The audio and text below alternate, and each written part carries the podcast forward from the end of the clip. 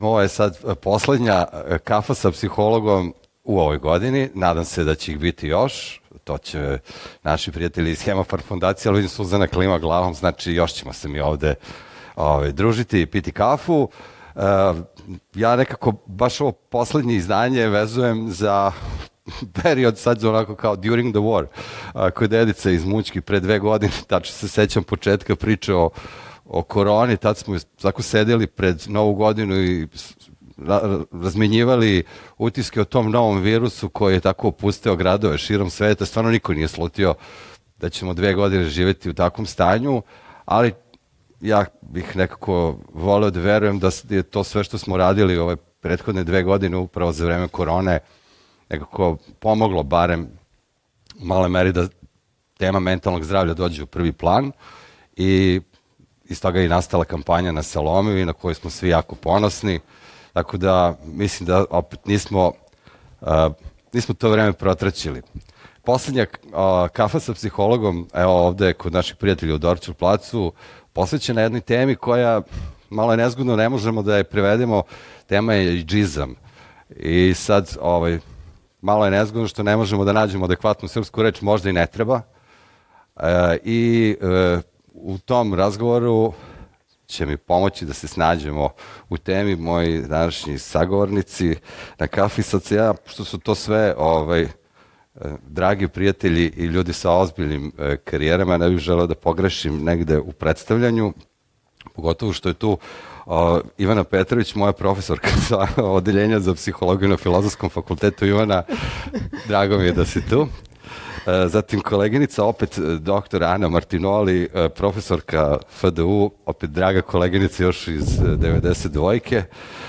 Zatim sad ovako damu Katarina Jovanović Čorlija, senior HR business partner ovi sa HR-a, oni imaju najzanimljivije titule u stadi, IT Solutions Hemofarm AD.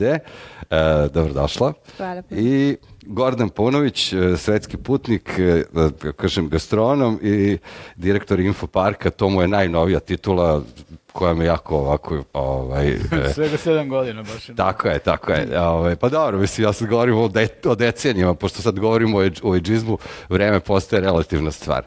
Na početku ovaj, priče o eđizmu, o, pa ne znam, ja sam se setio priče o, o tome kako smo čini mi se naša generacija živela ili doživela ne samo prelaz između dva veka, 20. i 21. između dva sistema, socijalizma, tranzicija ka kapitalizmu, a isto tako i jednu promenu odnosa prema uh, godinama i uopšte starosti. To je dobro definisao ovaj, kolega mog oca koji je jednom prilikom dok smo nešto radili na vikendici rekao e, moj pero, to jest mom ocu je rekao, kad sam bio mali onda pošto se to dešavalo u Bosni, kad se jela pečeno pile, rekli su, nemoj ovaj deci batak, daj babi batak, to jest ocu ili dedi. Kad sam ja postao babo, onda mi žena kaže, nemoj ti da se vataš za batak, daj deci batak. I kad će moj pero doći vreme da ja pojedem taj batak. Dakle, ta promena u odnosu prema starima se dešavala a, i dešava se neprekidno.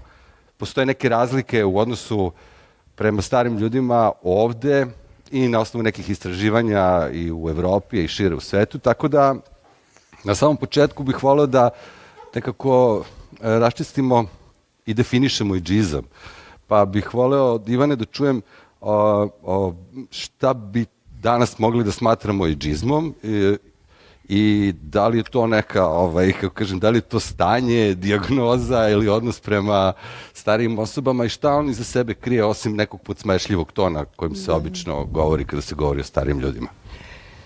Pa mislim prvo da bi moglo da bude jako dobro da mi nemamo naš termin. Znači, ako bi to značilo da, da toga nečega nema kod nas ili da ga neće biti, to bi, to bi bilo jako lepo, ali nismo imuni, znači ni mi, mislim kao ni, ni ceo svet, nažalost. E sad, upravo sa svim ovim nekim pomeranjima do kojih je došlo, sad smo nekako svesni e, toga da to nešto postoji, a reč je o stereotipnom posmatranju neke starosne grupe, znači možda mi više kad kažemo ageizam mislimo na starije generacije, ali podjednako važi i, i podjednako ga ima i prema mlađima. E, znači stereotipno posmatranje jedne starosne grupe i onda na osnovu toga diskriminacija, neki oblik diskriminisanja bilo kog pripadnika te starosne grupe prosto samo zbog toga što je određenih godina. E, I znači to, to se sad dešava na različitim nivoima, implicitno, ne mora biti direktno, ne mora biti, čak se nekad dešava i u dobroj nameri da u stvari mi ispoljimo nešto što je, e, što je stav koji je zasnovan na nečijoj generacijskoj pripadnosti, a ne e, zato što je neka osoba ovakva ili onakva. A, kada se govori, mislim da ipak najveći broj ljudi uh, u, u iđizmu ili u, tom pojmu posmatra odnos prema starijima. I da, iako, kao što si rekla, to može da bude i neko podcenjivanje i mlađih. E, I ta uopšte, u čemu bi bila razlika uh, između iđizma i onoga što bi mogli da kažemo nekog jaza među generacijama koji postoji, valjda, od kad postoji i, ovaj, civilizacija ili porodica, da, da šta se šta je to novo u, u, u eđizmu što nije postojalo u nekakvom o, klasičnom odnosu generacija gde su recimo, da smo imali odnose ili sukob starih ili mlađih? E, pa sad prvo, prvo da se vratim na ovaj tvoj primer s početka. On je negde onako odličan primer zato što vidimo prvo diskriminat, mislim taj neki diskriminatorni stav prema mlađima, a onda vidimo tu promenu pa ga vidimo prema starijima. Znači sad i negde neki govore i jangizam za ovaj, e, za ovaj odnos prema mlađima.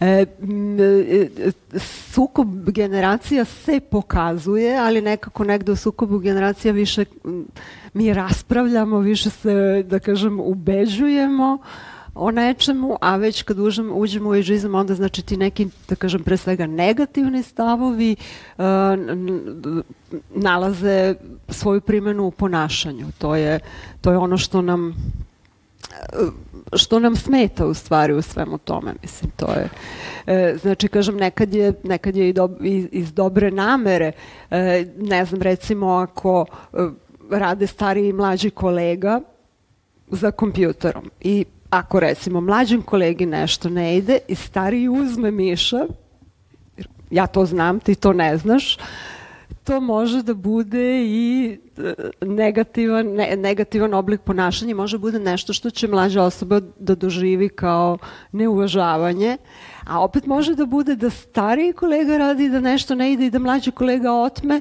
ti si stariji, ti ne znaš da radiš, ovaj, ti nisi dovoljno brz za kompjuterom, ja ću to da uradim, ja ću to da uradim brzo. Znači, namera može da bude uh, pozitivna, da kažem, za neki timski rad, za saradnju i tako dalje, ali u suštini to jeste neki oblik ponašanja koji može da povredi tu neku drugu osobu ako shvati da je to povezano jednostavno sa godina.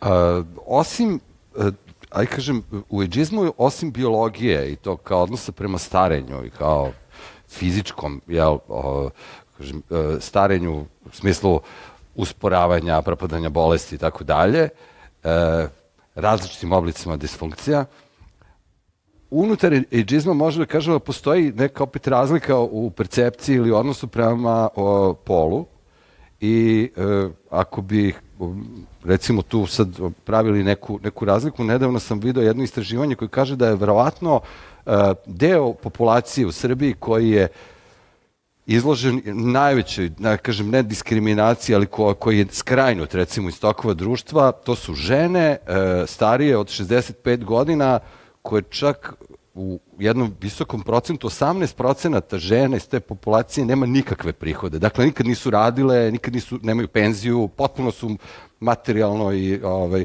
zavisni od svog partnera ili bivšeg ovaj, muža ili kako god. Dakle, to, to je jedna posebna kategorija u kojoj ima mnogo ovaj, žena, ali uopšte kod ejdžizma i pola postoji opet specifična vrsta percepcije, naročito u društvu, u, ne samo u kulturi i u medijima, da li je društvo surovije prema ženama e, ili muškarcima? Možemo da kažemo da tu postoji neka razlika, Ana, vole bi ti o tome nešto da kažeš.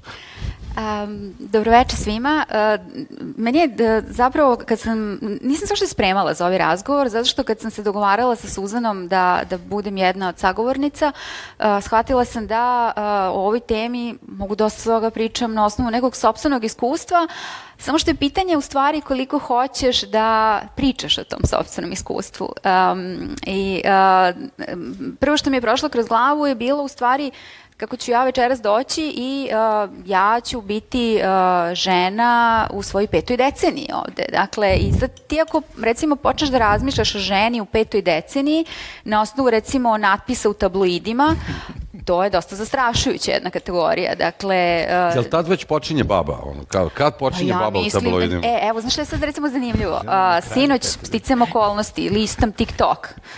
TikTok koji apsolutno ne komunicira sa nama ženama u petoj deceniji, bar ja do sad nisam naišla na sadržaj koji je baš za mene, ali uh, ga pratim zbog studenta i studentkinja zato što je to neka platforma koja je njima važna i kao nekako je važno da razumeš kako to sve funkcioniše i naletim na uh, TikTok uh, Billie Eilish koja je to velika zvezda, uh, koja je postala zapravo velika zvezda dok je bila tinejdžerka, ona ovih dana slavi svoj 20. rođendan. I uh, sinoć na TikToku, tom njenom, uh, se pojavi objava u kojoj ona kaže e, pozdrav svima, e, meni je da 20. rođendan e, ili što bi rekli na internetu, jezikom interneta, ja sam sada sredovečna osoba. I sad ja pomislim, ok, ako ona sa 20 godina sredovečna osoba, to gde počinje baba, to je ovaj, i uopšte ceo taj pojam i ceo, ceo taj odnos prema, prema godinama je strašan. Um, ja mislim da uh, svesno ili nesvesno uh, žene uh, u našem društvu, ali mislim da to nije rezervisano samo za naše društvo, samo što je kod nas možda malo uh, očiglednije i prosto ono mislim što je takođe važno da se kaže da i ovaj fenomen kao i većina drugih društvenih fenomena ima veze sa ostalim okolnostima, vrednostima i kvalitetima društva u kome se živi, finansijskim potencijalima, stilovima života i tako dalje, pa u tom smislu postoje neke specifičnosti koje su karakteristične za nas, ali, ali prosto ceo fenomen je karakterističan zapravo za celu planetu. Uh, I mislim da žene kod nas, dakle svesno ili nesvesno, počnu da osjećaju taj pritisak ranije, počnu da ga osjećaju već krajem svojih 20-ih, 30. uveliko, a, a u 40. dakle u toj petoj deceniji, mislim da počneš da već razmišljaš na koji način se odvija percepcija ljudi oko tebe tebe, kroz šta te procenjuju, um, kroz šta ti svoju neku vrednost pokazuješ, stičeš, kroz šta gradiš svoj identitet u tom društvu, uh, čime možeš još uvek da se nametneš, uh, čime se boriš i tako dalje. I da neminovno u svim tim procesima uh, to uh, između ostalog i kako izgledaš, koju, koje, koje godine zapravo odeš igra neku ulogu. Misle, mislim, mi sad možemo da kažemo pa nije to baš tako i tako dalje, ali to jeste tako i mislim da za žene jeste teže, jeste komplikovanije nego što je za muškarce. Um, I uvek postoji ta, to sad nije ništa novo, to smo svi čuli milion puta, kako muškarci kad ostare pa su prosedi, pa su tako nekako zreli, pa su privlačni, a žene kad ostare i kad su sede, evo sad nedeljama pričamo o tome kako je Miranda u seksi gradu seda, pa sad kao, kako, kako uopšte da razmišljamo o tome, kao da to nije neki potpuno prirodan proces koji se dešava. I, um, ne, mislim da je u, ne, u recimo mm. samo u poslednjih mesec dana kada smo razmišljali o ovoj temi, ovaj, čisto da podsjetim Ovaj, jer, eto, prosto sam sučen sa uh, dnevnom štampom svakog jutra, tako da mislim da je kroz ta, tog toplog zeca i džizma, sad opravdano ili neopravdano, naravno da mislim sad to su podeljena mišljenja i oko toga se puno, puno raspravljalo i prepune su društvene mreže toga. Prošla je Madonna Jest. zbog nekih fotografija, a, a neposredno pre toga, dakle, bila je velika priča oko džizma zbog serije Mary iz Istvuda, Jest. gde je glavna glumica želela da izgleda onako kako izgleda žena njenih godina, što je izazvalo veliki, veliku reakciju, jedna fantastična serija, toplo preporučujem, yes. baš kao i seriju Made, gde yes. takođe imate ženu u godinama, jednu poznatu glumicu koja mm. nije žela da da, da, Tako je, da. da, da izgleda ovaj, drugačije. I čini mi se da, da, da je u toku ta, kako kažem, borba za prihvatanje izgleda žene u tim godinama, sad naravno seksi grad je sad i sledeća velika tema, Jeste. da ne bih ovaj, Saru Jessica Parker poredio sa sve ovim ostalim glumicama, ali nema veze. Tako da izgleda je izgled u fokusu, ako mogu da, da pogodim. Da, da, da je percepcija uglavnom vezana za izgled. Pa između ostalog, da. Dakle, nekako, uh, koliko god da imaš rezultate na nekim drugim frontovima, bilo da su oni profesionalni, privatni, porodični, tako dalje, uh, jednu dimenziju svega pravi izgled. I to je to. Dakle, sad, da li ćeš ti taj izgled da održavaš na neki veštački način ili ćeš to da uh, se vide tvoje prave godine, ali da onda budeš spreman na to da će to da se primeti, pa će da se komentariš i tako dalje. Mislim da to jeste jedna ogromna dimenzija uh, suočavanja sa uh, procesima starenja koje je za žene dosta brutalnija nego za muškarce. E, sada na, pređemo na muški deo populacije. E, Gordane, a, ti si neprekidno u kontaktu sa jednom vrlo diskrimini, diskriminisanom grupom, ne na nivou Srbije, svetskom nivou e, migranata. A, priča o, o ageizmu je priča sad ovako kad, kada bi se prebacili, ne bih volao da imamo sad advokate muškaraca i žena ko zaš u nekom kvizu. Ali ovaj, e, da li je za muškarce e, taj proces isti, sličan, drugačiji, da li je e, da li su muškarci u tom da li se kao ta seda glava kao muška, barem u našoj kulturi ceni, i je li ona kao manje izložena tom, kako kažem, e, age'ističkom ovaj, osudi ili, ili odnosu u odnosu na žene? Jel postoji tu neka razlika po tvom mišljenju?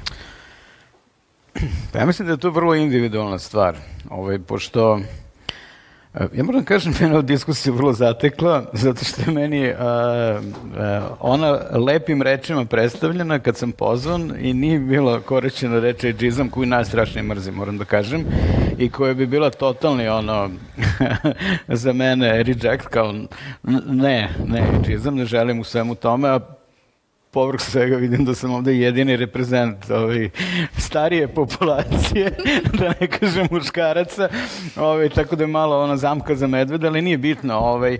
Ja sam u svom prethodnom životu uh, Bavio sam se socijalno angažovanim kampanjama i sad smo tu bile razne teme, zdravlje,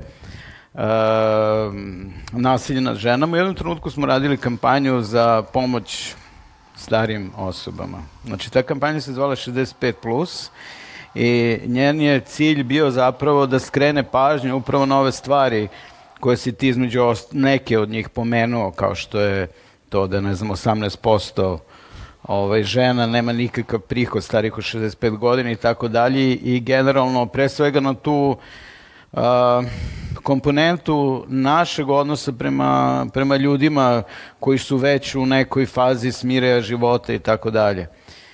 I ono što je uh, bio onaj uh, finalni zaključak cele te kampanje da je to jedna vrlo nepopularna tema. To je bilo ubedljivo najneuspešnija kampanja koju smo mi kada radili. Pre toga smo radili kampanju protiv nasilja na ženama vezana za, za uh, uh, podizanje svesti o tom problemu sa konkretnim ciljevima u vidu izgradnje sigurnih kuća, pa je bila bitka za bebe sa ovaj, skretanjem pažnje na taj jedan mali ili vrlo bitan segment ovaj, eh, eh, populacije sa kupovinom inkubatora i na kraju je došla ta akcija koja je bila apsolutni fijasko po svim realnim, realnim parametrima i naš zaključak do kog smo došli i uh, kroz naše istraživanje svega ostalog, ali i kroz komunikaciju sa onima uh, kojima smo se obraćali je da su eto ti ljudi negde na kraju svog života i zašto se mi sada njima bavimo kad ovde ima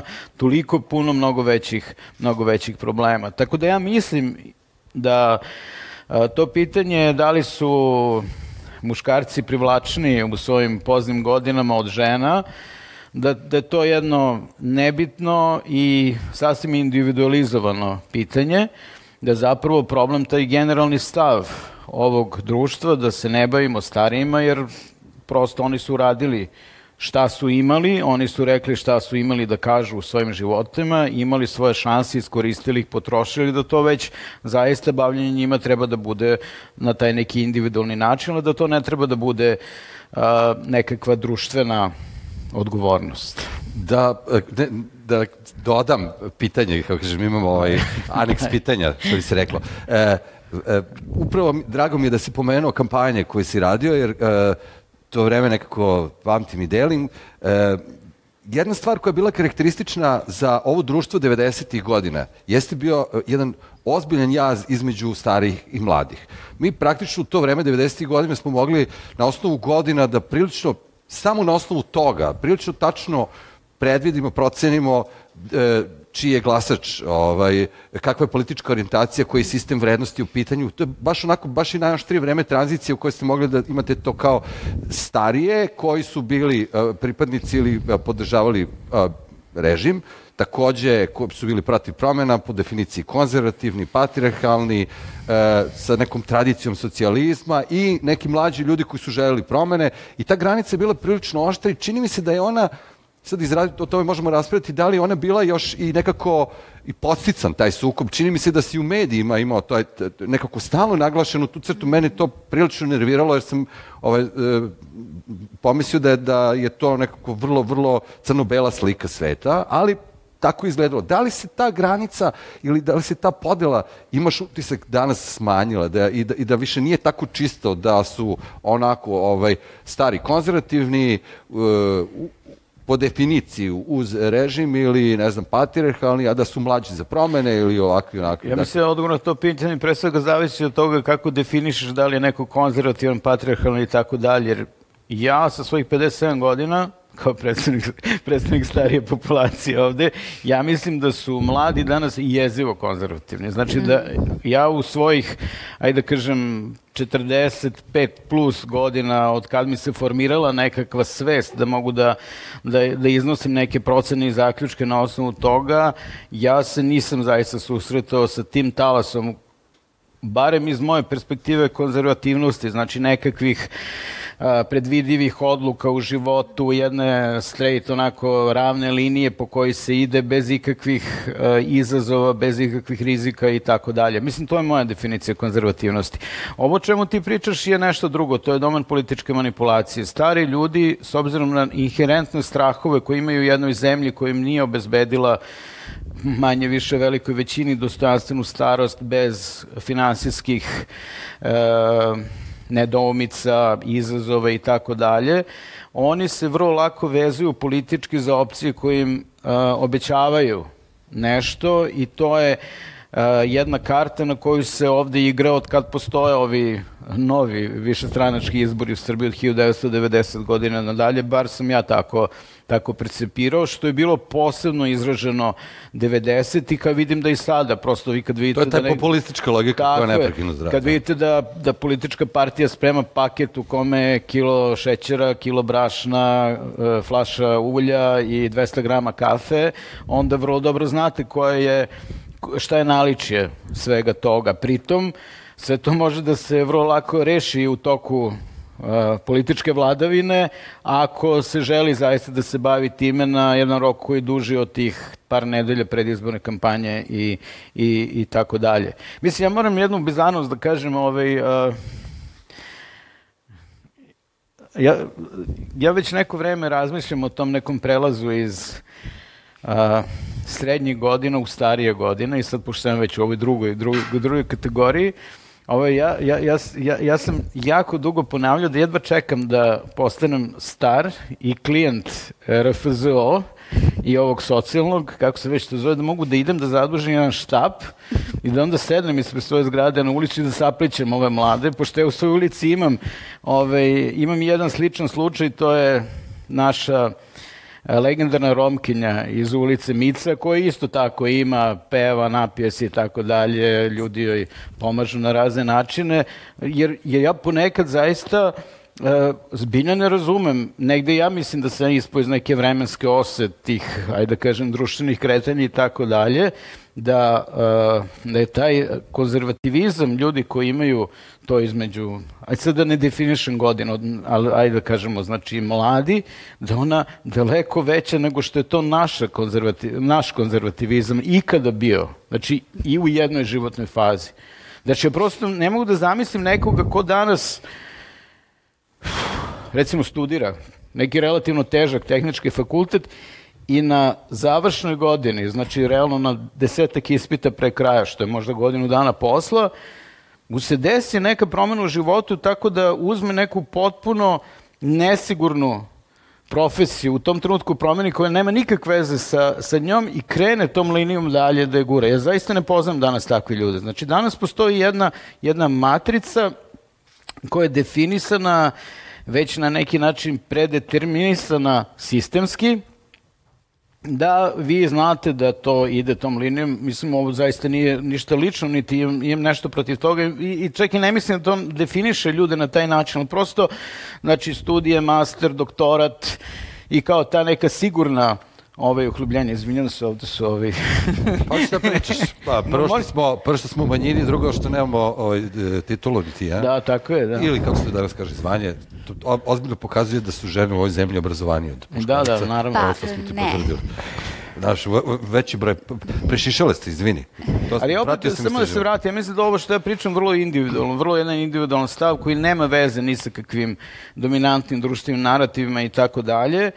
Ehm, da li se za, za, za starije generacije može vezi, mogu vezivati neki radikalniji oblici konzervativnosti? Isto tako mislim da je vrlo individualno. Ja, ja se uh, malo sklanjam sa linije tih ovaj, stereotipa da su sad uh, stariji obavezno glasači koji naginju nekim desničarskim, populističkim ovaj, uh, opcijama. Ja mislim da to nije tačno ili prosto sam ja suzio krug svojih prijatelja, ljudi s kojima komuniciram na ljude koji Uh, koji ni, nisu takvi.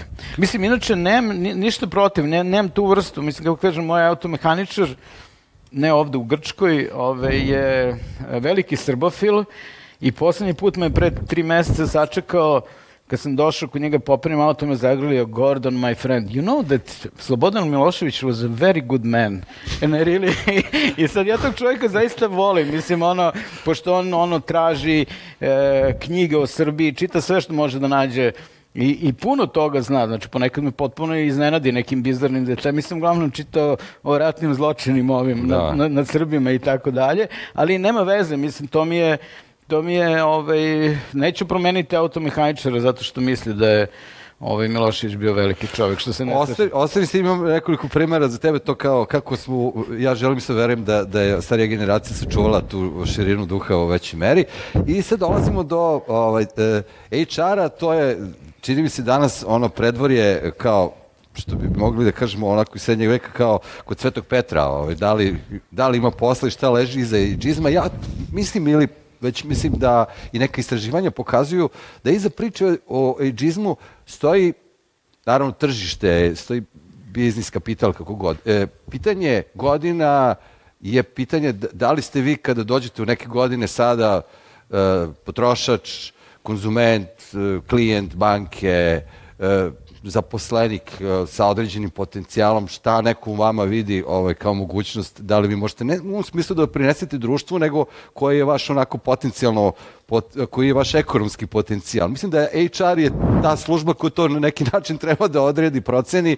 Ljudi u godinama su takođe pokazuju istraživanja, pardon, e, mislim da su žene u nekim zrelim godinama najteže zaposliva kategorija, malo rogobatna reč, ali tako čini mi se da, ovaj, a s druge strane, svedoci smo da su upravo te žene u godinama spremne da rade najteže i najmanje plaćene poslove u ovoj zemlji, to potvrđuje svaki odel na delikatesu samoposluzi, e, gde vidite žene već koje su, čini mi se, već onako za penziju, koje još uvek rade.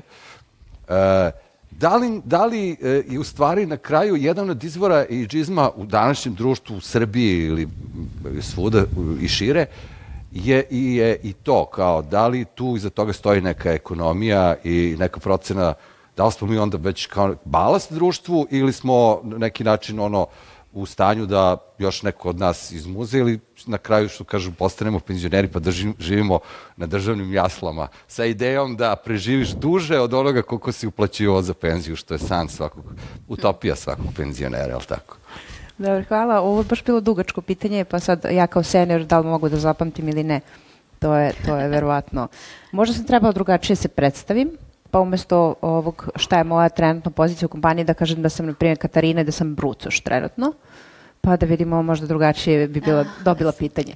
A, prva stvar, radi, radi se dosta o stereotipima. Čak i u ovom pitanju da li je HR ta ove, kapija pa kao da li može da se prođe ili ne, to je isto jedan od stereotipa.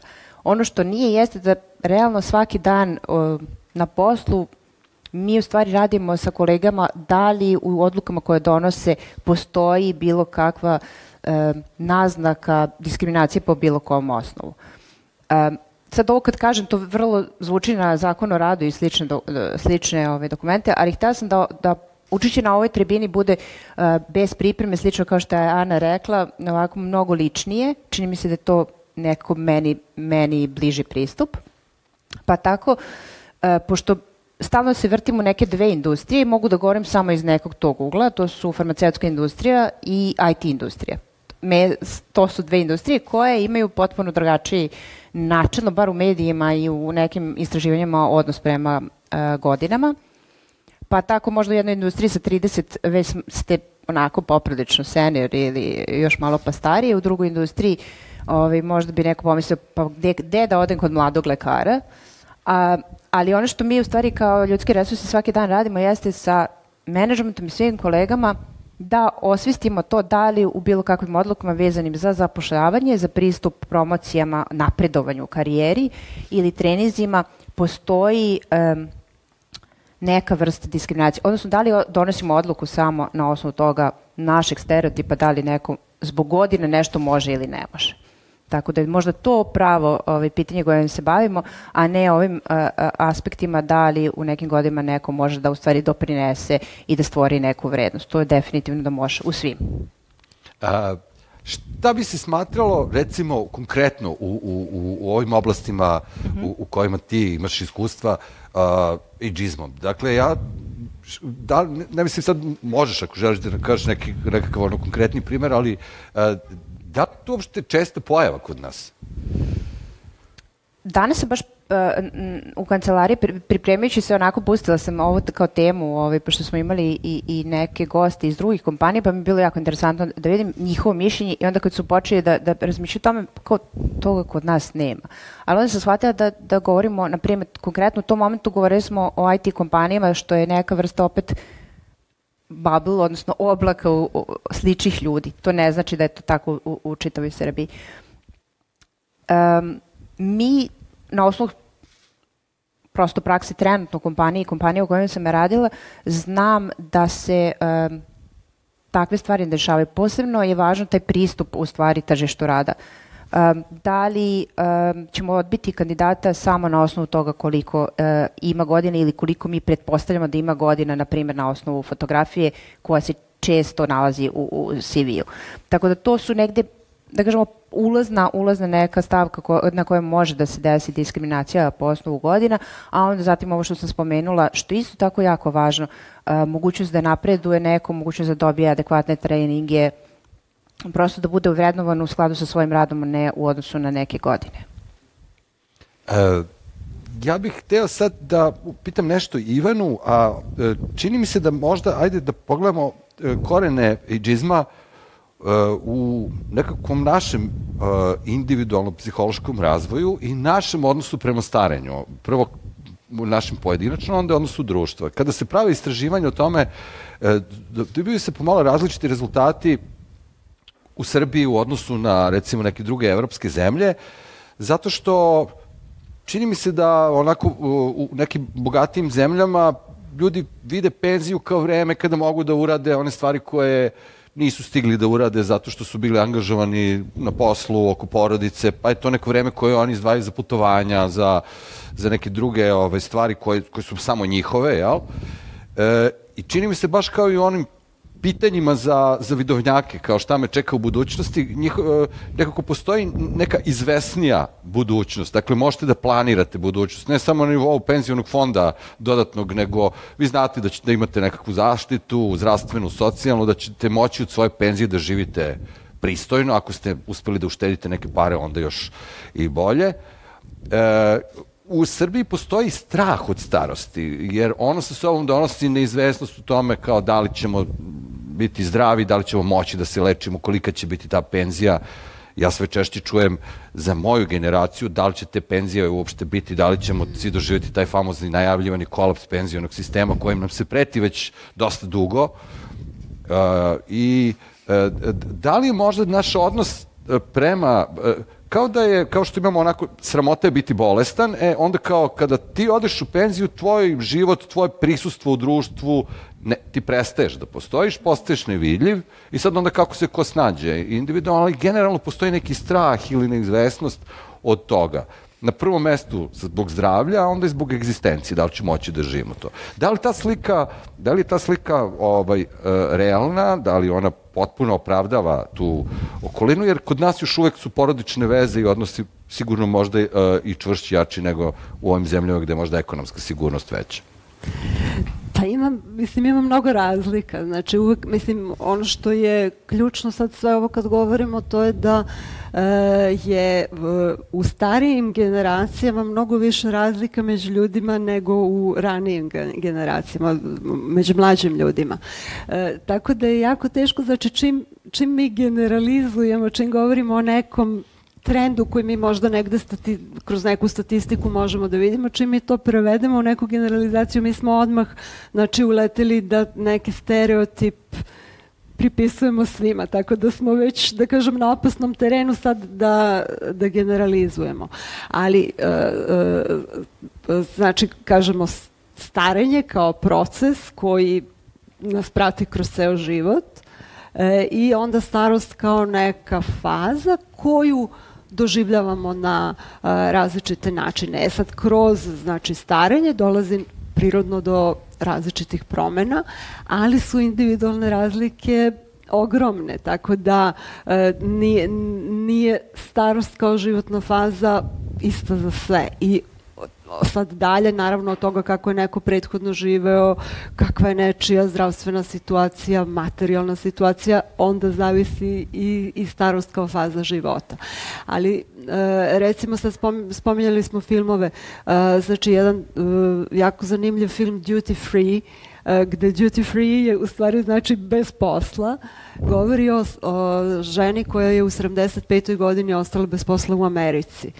E, i e, da prethodno, znači, e, ona je radila zato što nije imala materijalnu sigurnost. Ona je prosto iz egzistencijalnih razloga bila prinuđena da radi. Tako da kako ima kod nas ljudi koji su u materijalnim neprilikama i prinuđeni da rade, tako ih ima dosta i u drugim društvima. Mislim, sad negde, da kažem, trend neki jeste verovatno ako smo mi siromašni da, da smo mi u većim problemima, ali nekako tih problema i zdravstvenih i, i strahovanja uh, i, i, ima u, u svim društvima, ima ih jako mnogo u, da kažemo, ovim zapadnim razvijenim zemljama, znači tamo ima jako mnogo ljudi koji nemaju nikakvu, nikakvo zdravstveno osiguranje, nikakvo penzijno osiguranje koji rade jako dugo upravo da bi, e sad, znači naravno onaj tužan slučaj od uh, juče uh,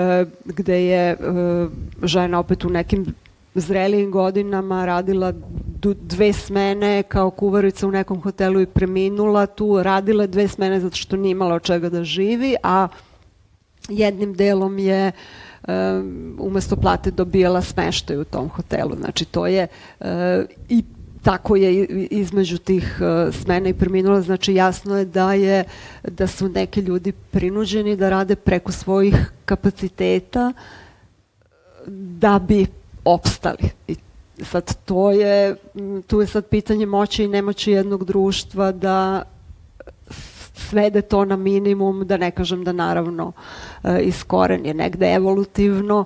Mi, mislim, čovek nikad nije bolje živeo što se tiče standarda uslova života, a s druge strane nekako uh, jako je mnogo nejednakosti.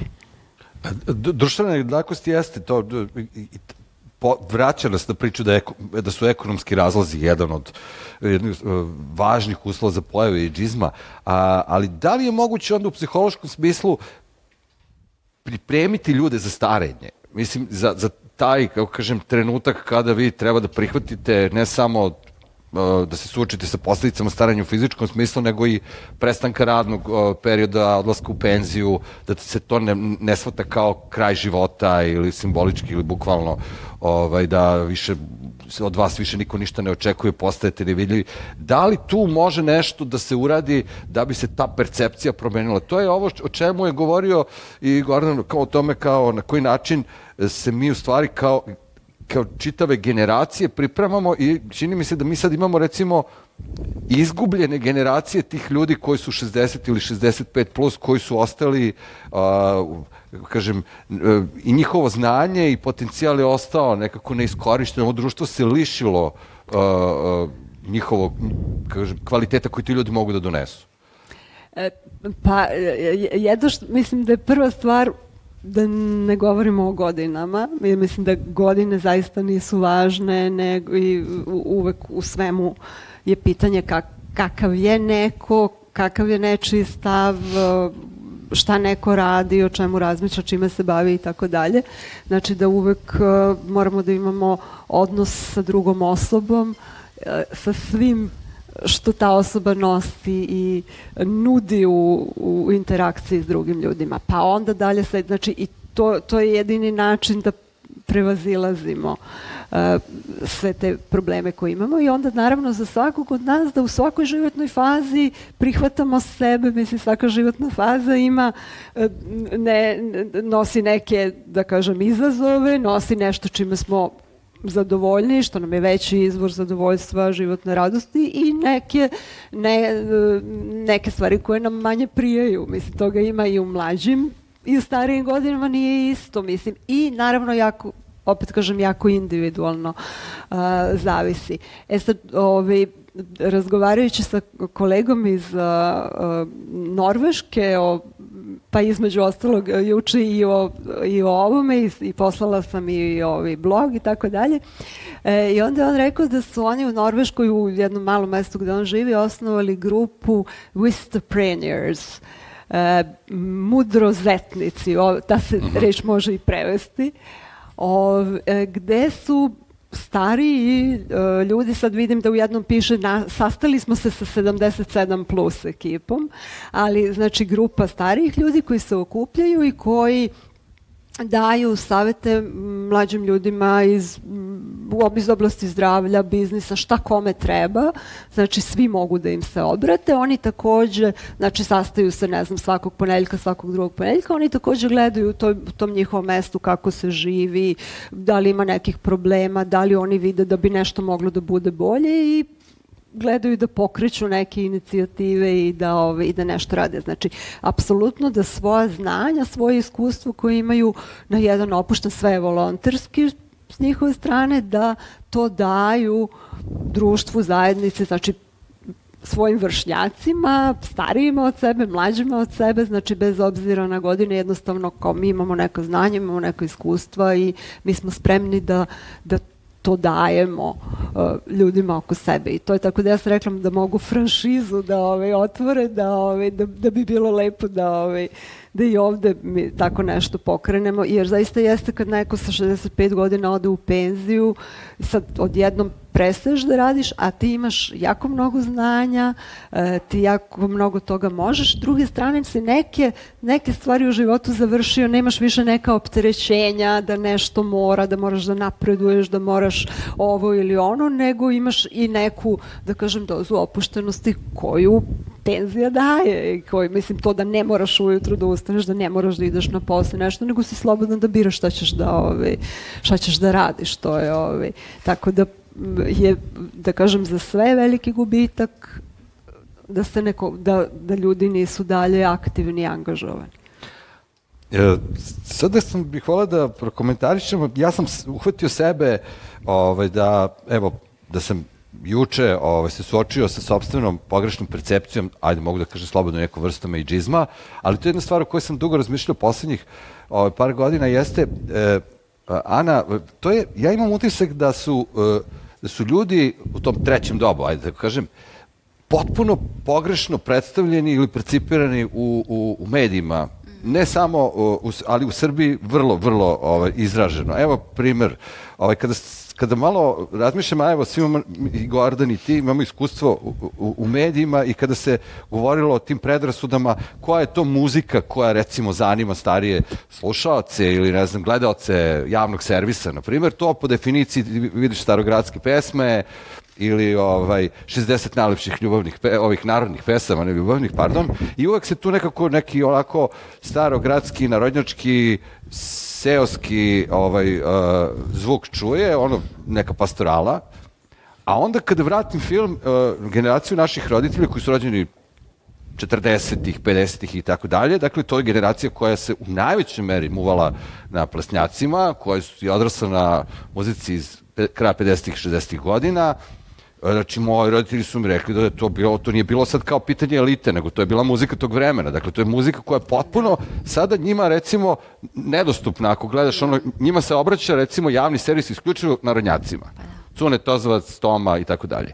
S druge strane, bio sam oduševljen kada sam video, i to moram da pohvalim, organizacija penzionera iz Paraćina ovih dana je, je napravila uh, popis uh, svojih članova besplatno su organizovali autobus za koncert Iron Maidena i dolazi njih 30 autobusom i onda je predsed, kad sam video predsednika udruženja, on je rekao Iron Maiden su nastali 78. godine, e, mi smo ta generacija, to su ljudi koji su tada imali 20-30 godina, umeđu vremenu su otišli u penziju i kao, to je muzika naše mladosti, Iron Maiden. I ja sad kao kažem da, to, su, to će budu fenomenalna, pun bus penzionera koji idu na koncert Iron Maidena. To zvuči kao početak fenomenalnog domaćeg filma. Znaš, sve sa ono lutko medi na početku da se naduvava i da oni dođe ekipa iz Paraćina na koncert. E, dakle, ne samo na nivou toga kojom muziku im se ono ovaj pušta javni servis ili kako kako šta mi mislimo da je to muzika baka i deka ili starih ljudi ili penzionera nije ni važno E, dakle, ja mislim da su oni uglavnom u medijima predstavljeni kao korisnici krema za bolove u kolenama, e, tablete za potenciju ili ne znam nekakva pomoćna lekovita sredstva neke i ovaj e, eventualno kroz muziku tipa nikad nije kasno, pa onda kao tu čujemo malo šlagire.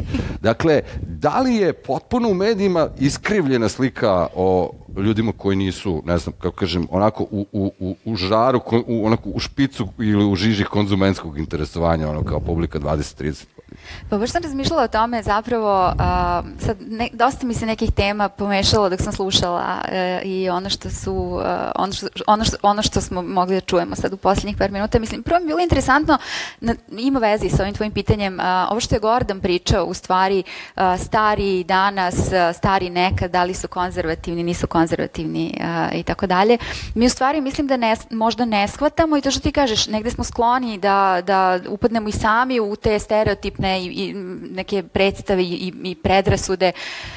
Recimo, Gordon za sebe kaže, kako si rekao, ja sam sad to staro, zrelo doba, prelazak u ne znam, to neko kao...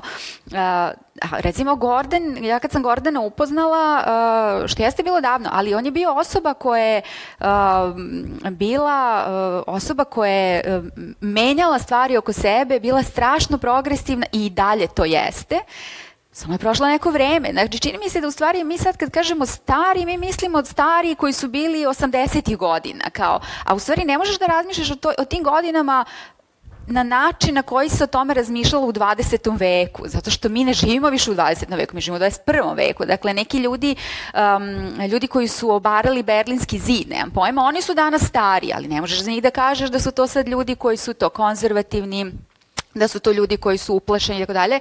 Da, naravno, godine su ti donele neka nova iskustva i neke nove strahove i brige, pa su te u tom smislu promenile, ali mislim da ono što je tvoja suština uh, ne može toliko radikalno da se promeni. E sad, um, to je sad mala bila digresija, a sad da se vratimo na tvoje pitanje.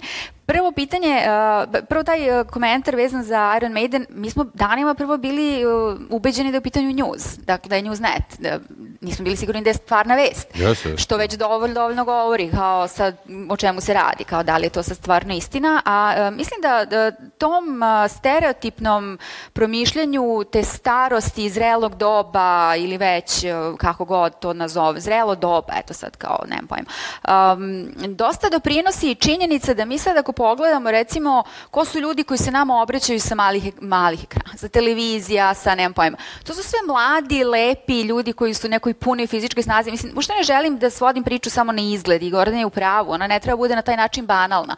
Ali ona, nažalost, kada govorimo o starosti, to jeste jedan važan deo. Dakle, i između ostalog i to. I možda možemo da se zapitamo zašto e, prezenteri naših vesti nisu ljudi koji su 55+. Plus?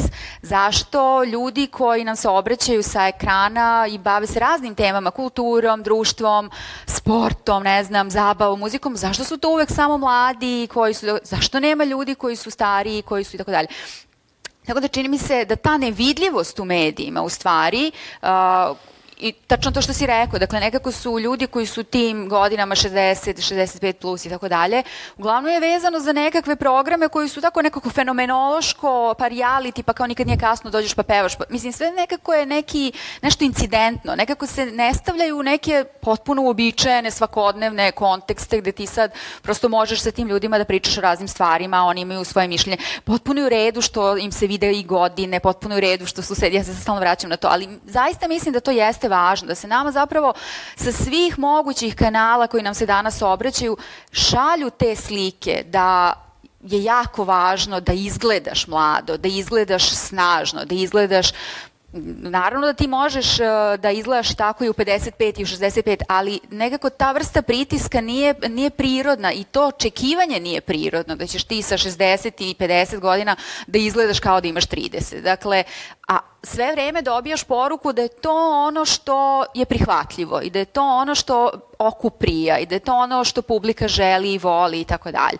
Tako da mislim da u tom smislu um, je takođe jedan veliki problem činjenica da su te godine, uh, koje god godine doznačimo kao, kao te godine. Dakle, ja sam počela od te pete decenije zato što mi se čini da ta neka obsesija recimo našim tabloidima ženama u petoj deceniji koje uh, grme, kako kažu, i nemam pojma, mislim, potpuno nekako nepri, neprirodna i pra, zapravo pravi jedan potpuno neprirodni pritisak.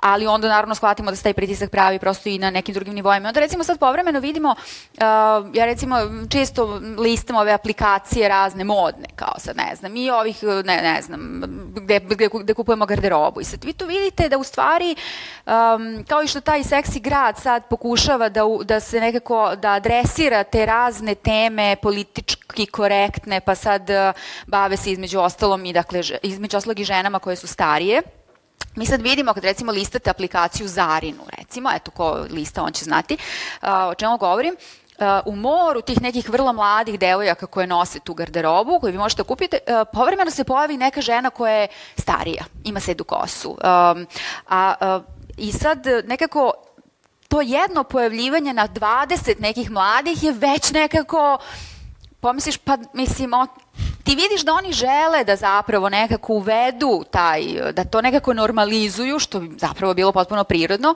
ali onda se nekako i to dešava na način na koji, na koji to toliko upada u oči da nekako počne da, da ne da ti smeta, ali vidiš da, je, da to nekako nije stidljivo je, dakle, nekako, i te žene koje su zapravo u tim aplikacijama tako starije, one su isto stereotipno starije, dakle, tačno se vidi kao šta Sjeda baka s prihvatljivo kostom. Da, da, da, da, da, da, ili mislim ne. Tako da uh, mislim da uh, u tom smislu uh, je situacija prilično prilično kompleksna i da ta briga o, o tom prolasku vremena zaista te tera na, na jako mnogo nekih promišljenja koje nisu naravno mnogo udobna i nisu jako prijatna, posebno ne u našem društvu, um, ali ne negde s druge strane čini mi se da te, da te istovremeno tera da počneš jako brzo da razmišljaš uh, i o tome uh, šta je zaista važno, šta, šta je ono što zaista čini nekakav kvalitet tvog života.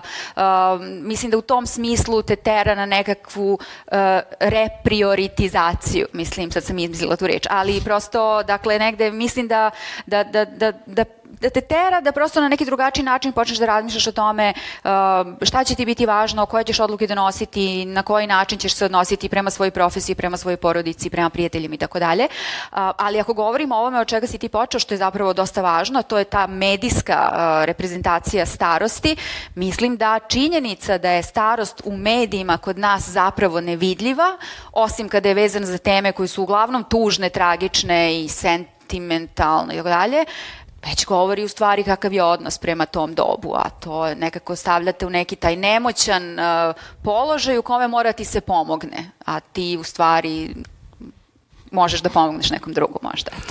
Uh, kada je Gordon govorio o kampanji uh, koja je po, po tom, toj kampanji 92 za ovaj, skretanje pažnje na probleme e, starih osoba ili odnosa društva prema starih, društva prema starijim osobama. E, te sam da, da te pitam da li si primetio da korona je, osim tog vraćanja mentalnog zdravlja ili dovođenja mentalnog zdravlja u žižu interesovanja šire, jer smo sad jednom veliki broj ljudi osetio razne vrste ovaj, e, psiholoških tegoba, pa je to odjednom eto, možda i neočekivano ispao benefit od borbe sa vakcinom.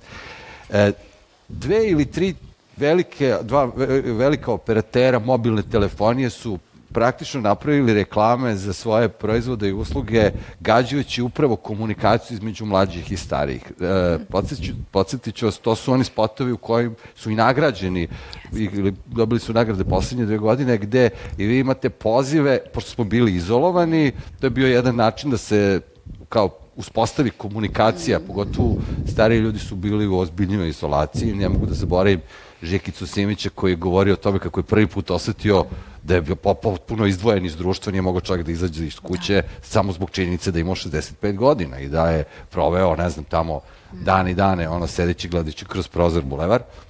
E, u to vreme smo ove razgovore vodili online.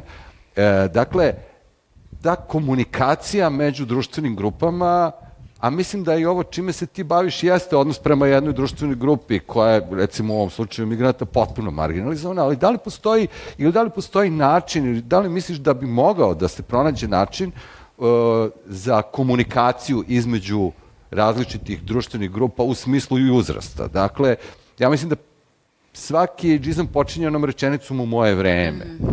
A mi živimo, i, da delimo to vreme, mislim, mi živimo u istom vremenu i, i to je jedna od ona uzrečica kojom počinje to kada vi želite da nešto kažete o vrednostima ove generacije ili da poredite sa nekim prošlim vremenom.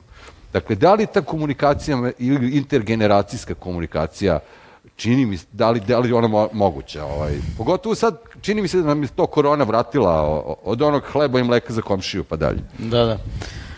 Pa, To o čemu ti pričaš je neka vrsta bazične solidarnosti koja se zapravo, ne znam više koliko se vezuje za same generacije, jer ćeš danas pitati ne samo svoju stariju komšinicu, nego ćeš pitati, ne znam, mnogo mlađu komšinicu sebe sa detetom ili koja iz nekih razloga ne može da uradi neku osnovnu životnu operaciju koju možda, možeš da pomogneš.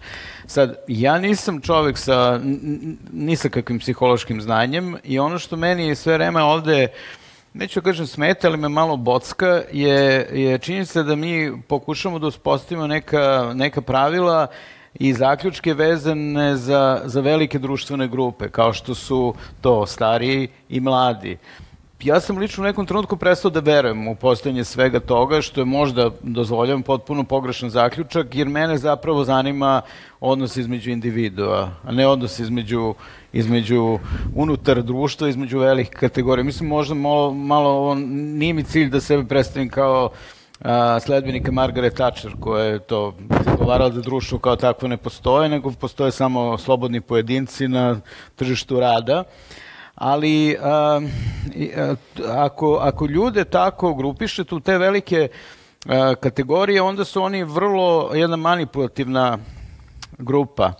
Jer ovih nekoliko primjera koje smo čuli, uključujući ovaj tvoj primer za a, mobilnu telefoniju, Anin primer za Zaru, to, to je sve zapravo tržište. To je prodaja nečega i to je ciljno targetiranje od određenih, e, određenih tržišnih kategorija. Naravno da su umeđu vremenu i, i, i stariji ljudi postali korisnici telefona, isto kao što su postali korisnici svih ovih mogućih um, aplikacija za, za, za, za besplatnu komunikaciju, Vibera i svega, svega ostalog. Mislim, ja sam u životu vidio ljude koji imaju 75 godina koriste Spotify da slušaju muziku, tako da, ove, dobro, moguće da su to ove, in, in, ono, usamljeni slučajevi i da na osnovu njih ne može se pravi, pravi pravilo, ali bih negde bio malo oprezan e, kada dođemo u, u, u zonu tržišta, jer u krajnjoj liniji, evo, vidite Niveo, koja je zapravo ide ispred svih kada je u pitanju korišćenje žena nestandardnih formata, kako I da, i da. gabarita, kako... Da, možda i više, da. da a, ta, ta, tako i godišta. Ove, šta je bilo pitanje?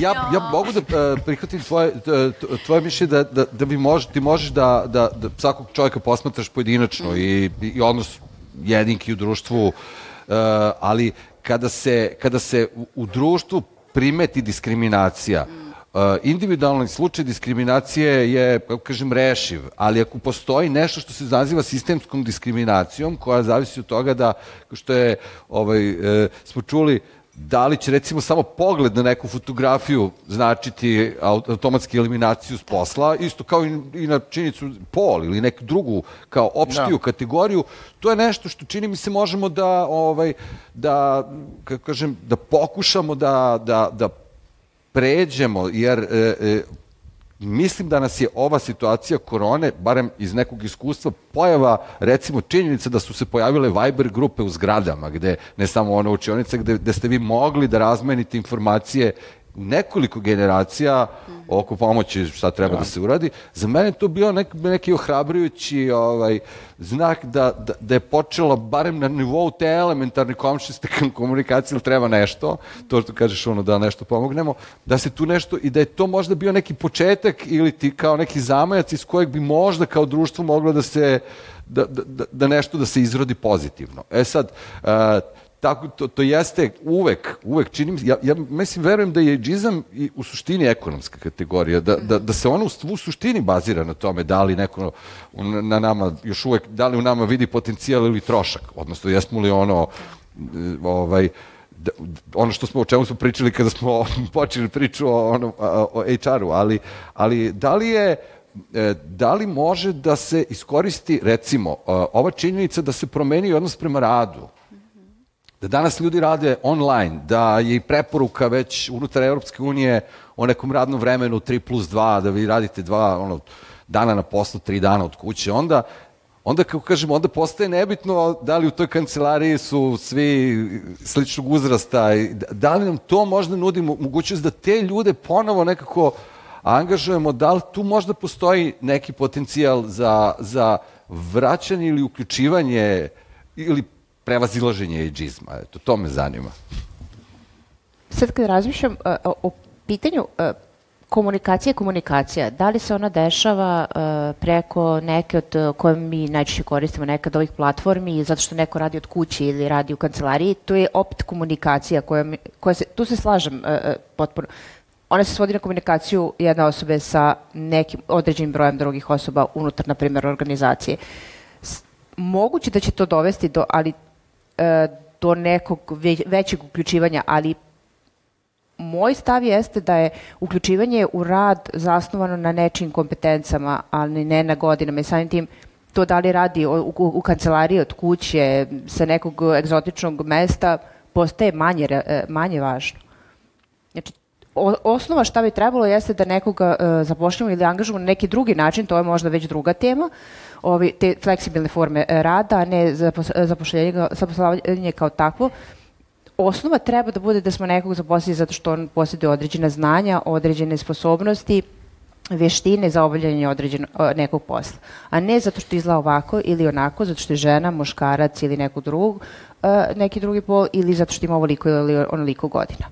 Ako krenemo od takve pretpostavke, onda si, možda čak i sistemski e, e, rešava. Ukoliko i dalje vraćamo se na to da kako možemo da se fokusiramo samo na ovu ili na onu grupu, mislim da, da se vrtimo negde, bar je to moj, moj utisak u A krugu. da li postoje neke kompetencije, to, mislim, uh, što bi čujem to od tebe, od Ivane, mi smo se raspričali, ja se izvinjam, ovaj, ali... Ovaj, e, Psiholog. da, ovaj, e, još kad smo na fakultetu učili da određena zanimanja, određeni fakulteti ili određene oblasti, recimo u nauci, e, da ljudi statistički ovaj, a, dostižu svoj maksimum u različitim životnim dobima. Za, za recimo pisanje, slikanje, naučne radovi iz oblasti fizike, matematike.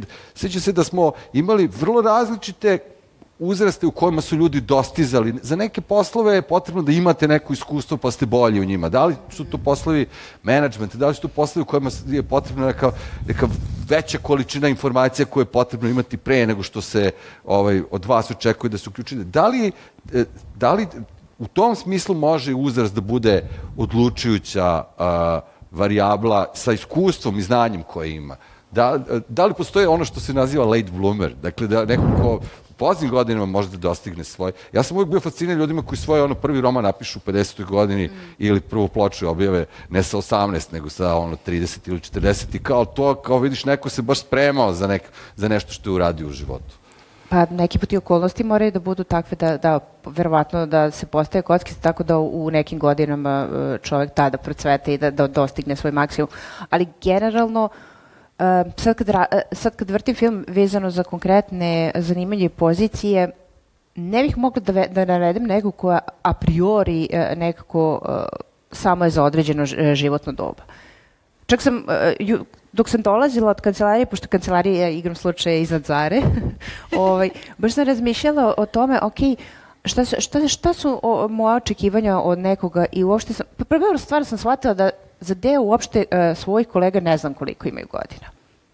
To mi je prvo, prvo što sam shvatila. Onda sam shvatila, dobro, koje su moje očekivanja, evo baš kad Jana rekla nešto vezano za 60, i onda sam počela da se sećam u stvari konkretnih ljudi s kojima sarađujem i mojih očekivanja o, ovaj, od njih u, na primjer, 60. godinama koji su poprilično visoke i i stvarno kreativnost i šta sve mogu, može da se desi je beskonačno.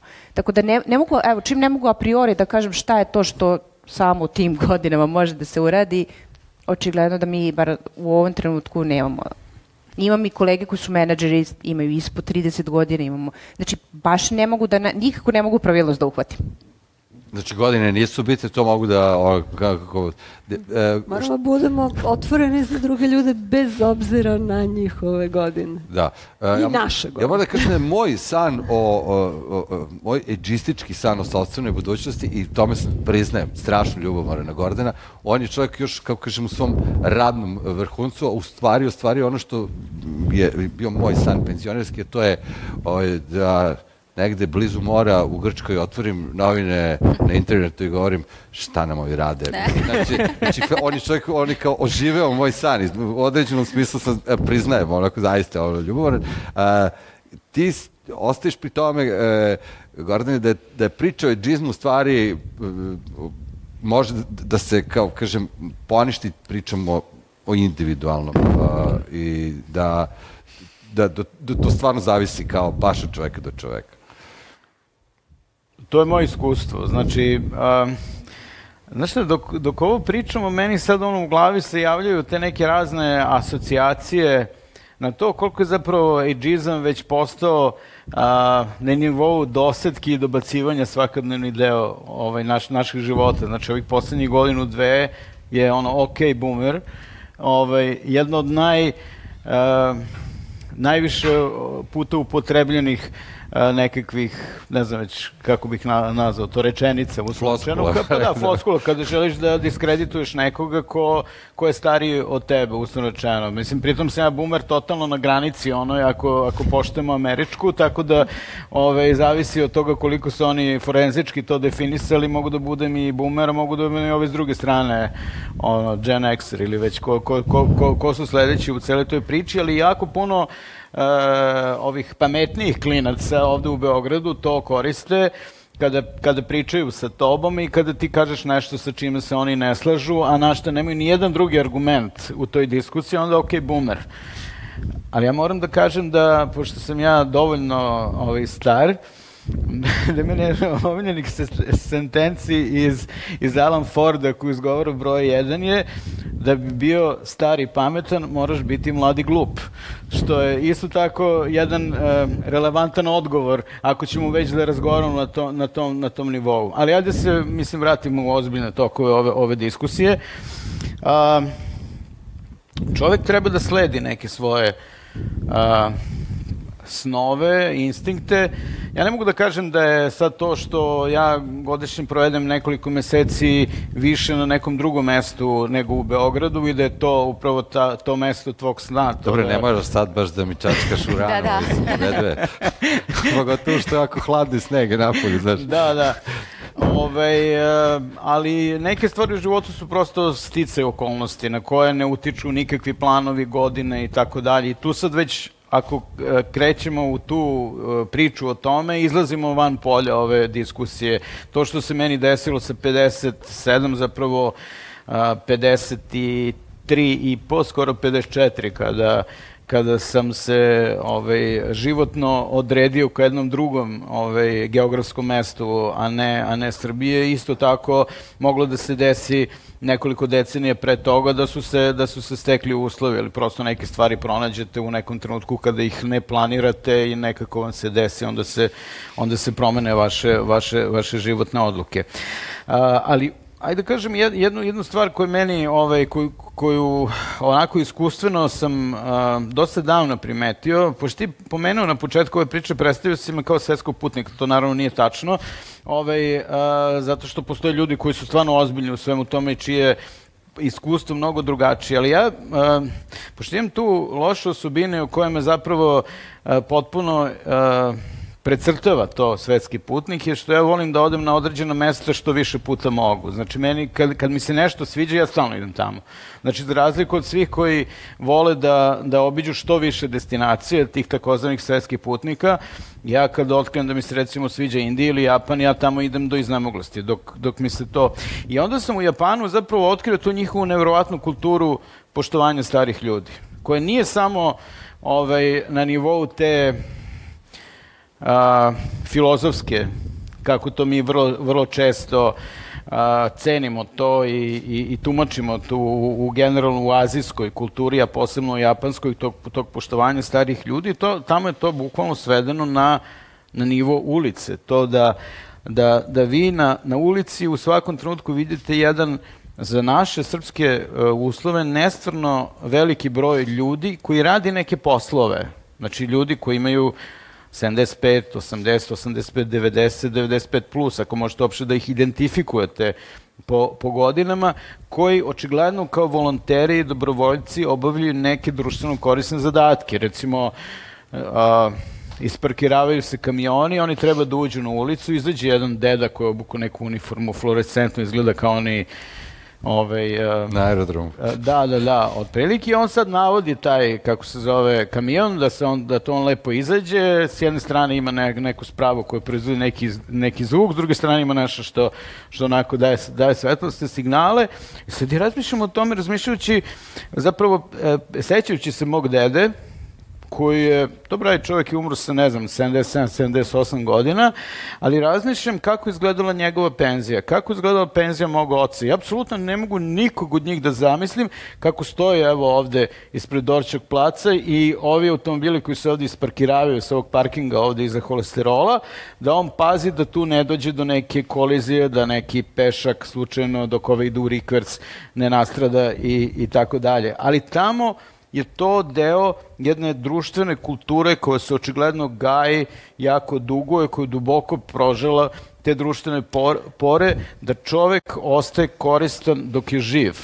Znači da se na penziju ne gleda kao nekakav uh, kraj života kada mi moramo da se sklonimo, kada moramo da odemo u svoju vikendicu, da gajimo kruške, pečemo rakiju i i eto, da, da ne smetamo više nikome svojim prisustvom i svojim, svojim delovanjem u životu, kako god ga definisali. Tako da, e, to ima i veze takođe sa ovom Norveškom, ovim klubom, ovaj, koji, koji je pomenut. E, I to je suštinska razlika. Ja sam u subotu bio na Zemunskoj pijaci I prošao sam u jednoj od ovih bočnih ulica, ima nekakav klub penzionera.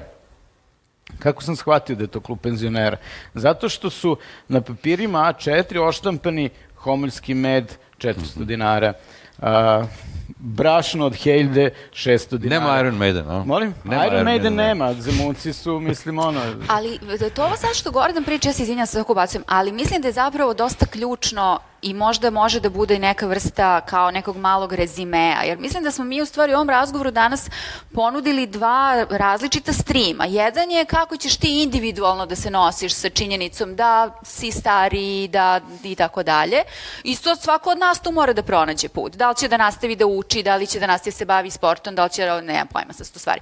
Ali drugo je ovo o čemu Gordon priča i to mislim da ne sme da bude zanemarljivo, da zapravo nije samo do toga kako se ti individualno osjećaš, nego kako se društvo odnosi prema toj starosnoj grupi, kako te osnažuje, ohrabruje i podstiče i zapravo te motiviše i daje ti neku vrednost.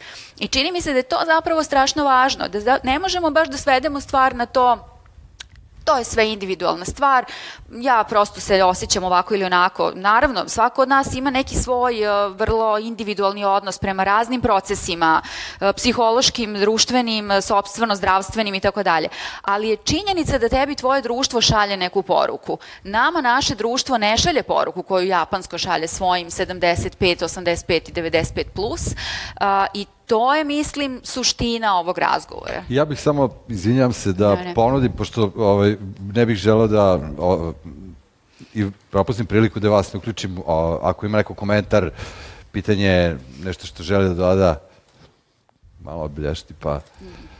Ili smo ga odužili, pa ovaj, hoćete da, da pre završimo. Ja, o, ako neko od vas želi da, da hvala ti Ana, Ana je pokušala da rezivira sve ovo što smo govorili, očigledno jeste da, da je da postoji i, i taj individualni nivo i ka, na koji način se odnosimo prema starosti, ali ja bih voleo da, evo kad je Gordon rekao o tome kako kako bih mogao da vidim naše penzionere, možda ne na parkingu, ali možda bih mogao da ih zamislim kao redare na Zvezdinoj ili Partizanovoj utakmici. Možda, eto, kao, znaš, Kad kao ih da... prebiju. da ih pre... možda neko neće na te starije, otkud znam, kao pamte onako više generacije futbolera, ali u svakom slučaju taj način moramo da pronađemo. Mislim da je ovaj i e, verovali ili ne, mislim da je to sad još jedna stvar koja, sa kojom koju nisam hteo da kažem, ostavi se mi za kraj da ne bude baš da sad ovaj, da završimo baš potpuno. E, činjenica je da ova, ova naš deo sveta u kojem živimo e, intenzivno stariji kao društvo, mi, mi generalno smo sve stariji i mi ćemo biti ovaj, iz, izloženi i u, mi ćemo živeti u društvu u kom će biti sve stariji ljudi oko nas, tako da ćemo živeti jako dugo, jako srećno i sa mnogo, mnogo e, naših vršnjaka tu. I Pa dobro, svetska populacija, svetska uopšte ceo populacija svet, starija, da. što se godina starosti tiče, nikad nije bio ovoliko razno, raznovrsan. Tako je, Nikad. tako da mi iz ove naše zlatne milijarde, kako se kaže, mi smo tu već ovako sve stariji, tako da ćemo o, o, se ovom temom nužno ovaj, s- sticajem e, okolnosti tih baviti, ukoliko e, možda je, ali to je posebna tema, to ćemo da ostavimo za dogodine. E, ja mislim da je jedan od strahova i tih ono, kad govorimo o tim migrantima, to je neka, da će oni dođu, ta neka nova, mlada snaga među nas penzionere, to mi je naročito karakteristično tamo oko ekonomskog fakulteta, gde su oni stari, oni penzioneri i ovi mlađi kao migranti, tu imaš i kao, wow, ko zna kakve tu sad ono strahove možeš da, da prepoznaš kod tih ljudi. Mnogo vam hvala što ste evo podelili ovo vreme sa nama u ovom Uh, u, u ovom predprazničnoj atmosferi, hvala uh, na ukrasima, da nije ovih ukrasa, ne, ne znam da li bi mogao da se pomislim da je već ovaj, se približava i kraj godine, ja želim da, ovaj, kao i svi, potpuno je prirodno, mislim da imamo neku nadu, iluziju ili kao ono proleće svako da će prosto e, nešto lepo da se desi i da će nešto da se promeni na bolje, da ćemo barem moći malo da se slobodnije krećemo i da se ovaj, više družimo, a da ne govorim da se grlimo i ljubimo bez e, straha da od korone, ako je to želja. E, još jednom se zahvaljujem i vama što ste bili tu i vidjet ćemo se i dogodine u, u- na kafama sa psihologom, evo sad već skoro pouzdano klimaju mi glavom. Hvala, to je to. Doviđenja. Do dogodine.